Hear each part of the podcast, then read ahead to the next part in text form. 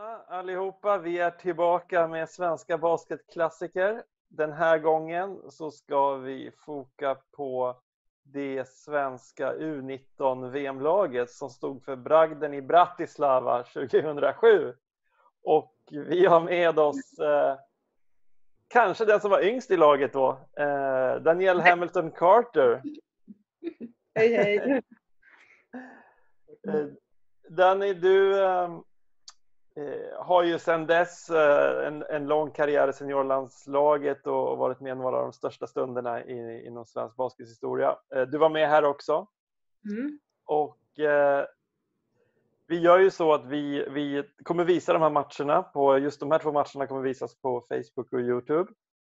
Bara först så här, vad, vad är dina minnen, när jag nämnde det här för dig, vad, vad är dina minnen från, från den här sommaren? Alltså, det är nog en av de mest fantastiska upplevelserna.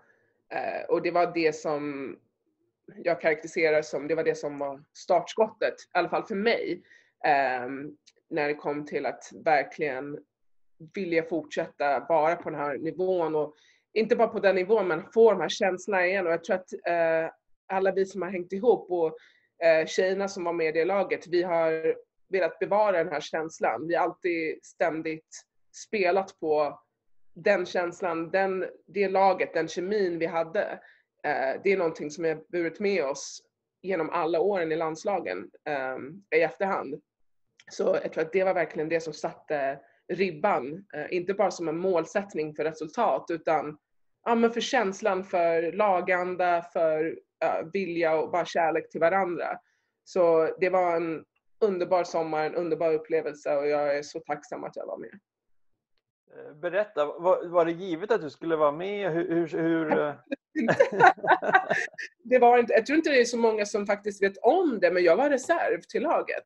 Jag var ju yngst, eh, eller näst yngst. Stefanie Ideström och jag är båda född 90 och hon är ett par månader yngre än mig.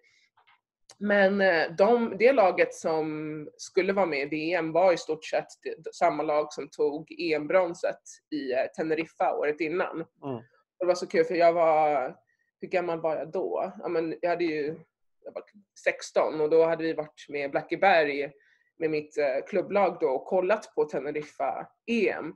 Så jag såg hela den här resan som de gjorde. Jag bara, ah, det här är det bästa som finns. det var hur coolt som helst. Eh, och sen så fick vi möjlighet att vara med på läger. Eller blev kallade. Vi hade faktiskt bara ett enda läger tillsammans som lag Eh, innan, e, eller innan VM. Men eh, under det året så tror jag att det var Sofia Klackenberg som hade en knäskada så att Stephanie ehm, fick en plats och sen så var jag första reserv. Jag blev faktiskt kattad från laget ehm, av Micke Johansson precis innan jag skulle spela för Micke Johansson i U18-EM. Eh, så det var, jätte, det var jätteroligt. Men under den turneringen så skadade Kalis Lloyd sig ehm, och då fick jag plats i laget. Så det var absolut inte givet att jag skulle vara med. Det var faktiskt eh, Kalis otur och eh, Sofia Klackenbergs otur ehm, under, de, under det här året under deras förberedelse inför VM att både jag och Stephanie fick chansen. Jag tror att vi i den här högen som man ser under, efter matchen när vi ligger och gråter och kramar varandra säger jag och Stephanie, vi ska inte ens vara här! Men eh, det var faktiskt eh, ja, underbart faktiskt att kunna få vara med och det känns ändå eh, så här i efterhand att det var ämnat att vi skulle vara där tillsammans. För att vi har en sån otrolig, otrolig uh, vänskapsband uh, som startades precis innan och ja, är fortfarande lika stark idag. Så det är ja, underbart. Du nämnde att, att du, ni har burit med den här känslan eh, mm. när ni har spelat efter i landslaget. Ni, eh, ni slår eh, Tjeckien, eh, ni slår Slovakien, hemmanationen mm. Slovakien.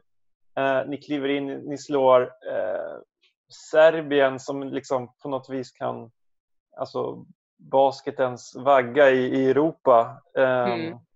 och få möta ett USA med, som vi inte visste då, då men med Maya Moore som en av de bästa spelarna inom tiderna.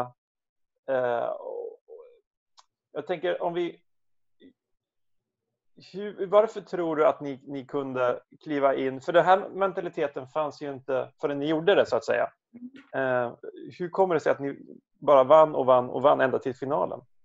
Alltså det är en kombination av massa, eller många grejer. Jag tror att vi, alla individer som var med i laget, vi, var ganska, vi hade en kombination av att vara helt orädda och ganska obrydda eh, om status, om länders liksom, starka baskethistoria. Det var ju också lite så att jag visste inte lika mycket som man gör nu. Nu finns man, har man ju massa sociala medier och den här spelaren, den här spelaren. Jag tror den enda spelaren vi verkligen var såhär, åh herregud, liksom. För vi, det är de man spelade emot. Det var ju Sonja Petrovic i Serbien, det var ju de spanska storstjärnorna, Alba Torrens.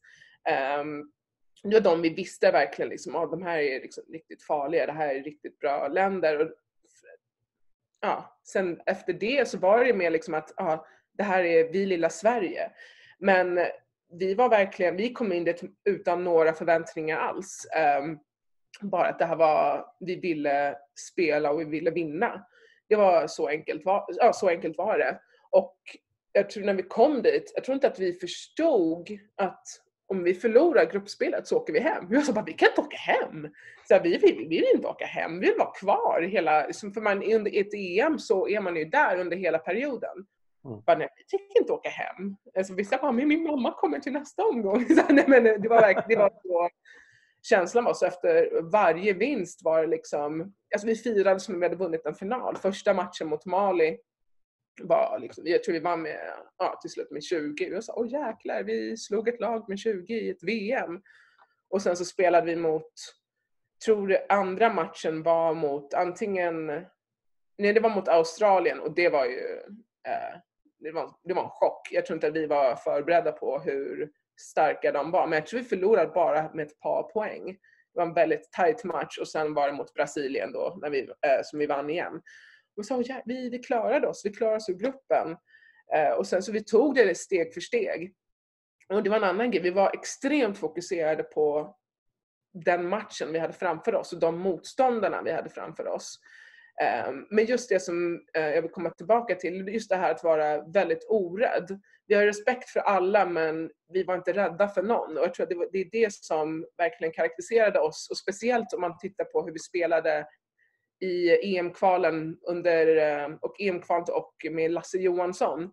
Han hade den här mentaliteten, det spelar ingen roll vilka vi möter, det här är vi, det här är vår filosofi, det här är det vi skulle göra och det var så det var. Vi slog Spanien två gånger 2012. Vi slog Ryssland efter de har vunnit ett EM 2013. Så det, det verkligen visar den här mentaliteten vi har haft genom åren. Mm. Och eh, det, det, började med riktigt starka individer och en känsla av att vi, vi är här för att vi vill spela och vi är här för att vi vill vinna, inte bara delta. Mm. När, ni, när ni hade kommit till, fanns det någonstans där ni kände så här, vi har ändå inget att förlora? Eller, eller var det när ni kom till semifinal mot Serbien till exempel? Eh, hemma blev det ju liksom en, en grej. Jag vet inte mm. hur mycket av det ni märkte. Som du sa, sociala medier. Facebook fanns men var mest en grej som på amerikanska college 2007. Det hade väl kommit, liksom, några hade väl liksom hakat upp, var mer MySpace kanske än Facebook. Mm. Um, men jag, jag, min fråga är väl egentligen liksom, eh, Kände ni att ni hade något att förlora där när ni hade kommit? Eller, eller? Uh, inte någonting. Uh, jag tror att vi, alltså för att vända om det lite, inte att vi hade någonting att förlora utan att vi hade allting att vinna. Det var mm. lite så vår mentalitet var. Uh, Micke är så, han är en av mina favorit personer och favoritcoacher genom Jag retar honom fortfarande. Jag vet att du är den enda coachen som har kattat mig. Men Danny, du var ju en bebis. men eh, han, eh, kommer ihåg vi hade möten i de här ja, konferensrummen och han ritade upp olika scenarion. Det här är de vi skulle kunna möta och om vi gör så här, då kan det stå Sverige-USA i finalen. Och vi sitter där och så bara wow, det här är, det här är stunden. This is the moment. Liksom det här, vi kan verkligen göra det här. Och det var inte att vi var rädda att förlora. Jag tror vi aldrig var rädda att förlora utan vi, var verkligen, vi hade så mycket vilja att vara i den situationen. Bara, vi ska göra det här. och vi ska göra det här tillsammans. Och just att det, liksom, det fanns inga sociala medier, vi satt inte på våra mobiler eller laptops. Liksom. Som jag sa, det var då jag lärde känna Elin och Frida som bäst. Och eh, Lollo hade jag känt innan. Vi satt och kollade på film tillsammans. Och, alltså, det var den här lagkänslan att vi ska göra det tillsammans. Och det spelar ingen roll vem det är som scorar, vem som gör poäng och vem som avslutar. För det spelar ingen roll vem som får äran. Vi alla fick äran för vi jobbade tillsammans. Mm. Och det var också något som var extremt speciellt. Väldigt osjälviskt lag. Eh, mm. Faktiskt. Men ja, allt att vinna och inget att förlora. Det var mer så det kändes som. Om vi, om vi går till finalen då. Det, det blev ju Eh, det blev ju förlust mot ett USA som... som vi, kan, vi, kan ge, vi kan ju ge det, tyvärr, ge bort en spoiler alert. Spoiler, vi förlorade. Eh, vi kommer ju titta på matchen ändå. Eh, mm. Nu, nu, när man ser i efterhand vad, vad det blev av många av de här amerikanska spelarna, eh, som till exempel ämnar Lavender eller, eller Maya Moore som, som mm. vunnit WNBA fyra gånger, WNBA MVP och, och, och liknande.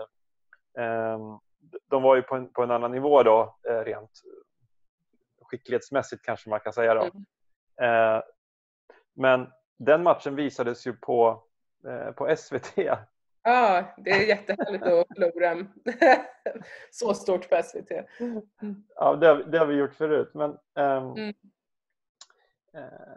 Ändå så visar det att, att, att, vara uppe på den nivån och, och spela mot de här. Mm. Nu tog du upp det, men jag ville ta upp det ändå kring den här mentala barriären som, som bröts då lite. Mm. Eh, det kom ju en generation efter er eh, också. Eh, har mm. ni hunnit prata någonting om det? Om, visst, alltså vi har eh, 92 eller 93 mm. de här liksom, som också ger sig som en kanske gyllene eh, mm. generation. Har ni pratat någonting om de här matcherna? Såg de de här matcherna? Eller liksom? Oj, faktiskt det har inte jag tänkt på så mycket. Det var väl mer att vi såg varandra. Alltså vi, hittade, vi, vi såg spelare, jag tror att också att de såg spelare som gjorde det möjligt och att de inte... Så men det här ska vi också... Jag vill, jag vill inte heller... Alltså, gud, jag vet inte hur jag ska förklara det. Men också att man, om man ser det, liksom, man ser att det har blivit gjort, någon har gjort det, då blir det enklare för en själv att veta att det är möjligt.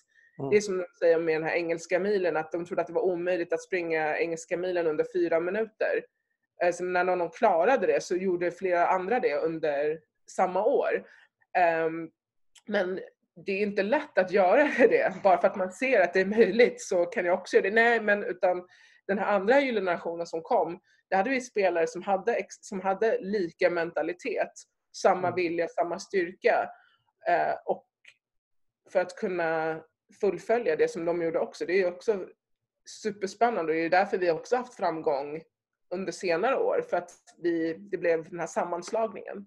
Ja. Men om du har sett de här matcherna, jag vet inte, det vet jag inte om. Det, det kan jag inte svara på. Nej, det kan jag fråga dem om kanske, om vi har med någon av, eh, av dem senare. Ett ungdomslandslag som var på plats i alla fall, för min syster var där med ett ungdomslandslag. Jag kommer inte ihåg vilken åldersgrupp, hon är 92 mm. Så det kanske var några som var där, men jag vet inte exakt vilka. Det har jag faktiskt. Jag tror jag till och med glömde att min syrra var där. Vi var så himla inzoomade på vad som, vad som hände där. Mm. Eh, kommer du ihåg vilka... Eh, det är lite, jag pratade några om, om vad som var viktigt, varför det funkar och, och så. Du pratade om, om osjälviskheten i det här laget och eh, att ni någonstans fokuserade på kanske det var någon slags inre eh, drivkraft hos er, inte eh, det yttre att, eh, med sociala medier och, och, och sådär. Eh, minns du eh, rollerna i det här laget? Eh, var det tydligt vem som skulle göra vad och, och, och var det, fanns det också liksom roller vid sidan alltså, av planen? Vi visste vilka som var alltså, som hade den här drivkraften, men, men vi också visste att all, vad alla kunde göra. Mm. Så det var inte som att, okej, okay, vi vet ju att Frida är en av de bästa poänggörarna. Hon vann ju poängligan och hon fick ju faktiskt MVP över Maja Moore, så det var väldigt tydligt. Och sen så vann Elin assistligan. Så det var väldigt tydligt liksom eh, rollerna på papper. Men jag tror att det som var ganska häftigt med Mickes filosofi och att man ser det också i hans lag som han coachar till och med än idag, han spelar väldigt fritt. Vi hade ett offen, jag tror vi hade verkligen bara ett fyra dagars läger innan vi åkte till VM. Vilket är helt sinnessjukt om man tänker efter. Men vi hade ett system där vi spelade fyra spelare ute, en inne. Det var snabba, snabba cuts, det var backscreens, det var, spelade inte någon roll vem som tog upp bollen. Jag kanske inte tog upp bollen, men på det sättet. Vi hade inte, det här är, du är ettan, du är två. Vi, vi spelade väldigt fritt. Och mm. det var det också som jag tror eh, förlöste den här känslan liksom att det spelar ingen roll vem som tar oss utan vi spelade extremt snabbt. Vi tog skotten som var öppna för vi litade på att vi hade folk som kunde ta returer. Vi litade på om Eva Häggmynti kom in, hon var eh, alltså en riktig sniper. Alltså, ta dina skott. Ehm, eh, Frida Aili är en alltså, fantastisk attackspelare. Frida Gran, liksom, hon var så jäkla tuff under korgen. Det, det är riktigt Alltså vi hade sådana bra roller men vi passade ihop som ett, som ett perfekt pussel. Så det var inte lite som ah, men du ska göra poäng, du ska göra det här. Utan nej, det här, vi har det här laget, vi har de här, uh, den här kapaciteten och då varsågod och kör. Det var mm. så vi hade och det var, det var ganska skönt och det var jätteroligt att spela på det sättet. Och jag tror man ser det i matcherna, liksom, varje gång någon gör poäng så står alla och som hejar på och det var som, som att man gjorde ett fotbollsmål liksom, som vi firade varje poäng. Eh, vi ska, eh, vi ska avrunda här för att jag tror att mm. folk är sugna på att se de här matcherna. Vi kommer visa Sverige-Serbien, en vinst. Och sen den 11 mm. juni och den 13 juni så blir det då eh, VM-finalen mellan Sverige och USA. Det låter ju fortfarande sjukt när man säger det. det ja, men om man tittar på eh, prispallen när de spelar We Are The Champions så tror jag att vi sjunger och gråter mer än vad USA gör. Så det visar vad, alltså hur bara känslan var även en stor, efter en stor förlust mot USA vi ja. visste att vi hade gjort något speciellt så jag hoppas att alla kan se det och se den känslan som fanns där med laget. För den bär vi med oss än idag. Med de orden tycker jag vi avslutar. Tack så hemskt mycket Danny för att, att du var med och, och, tog oss igenom det här. Ja, tack.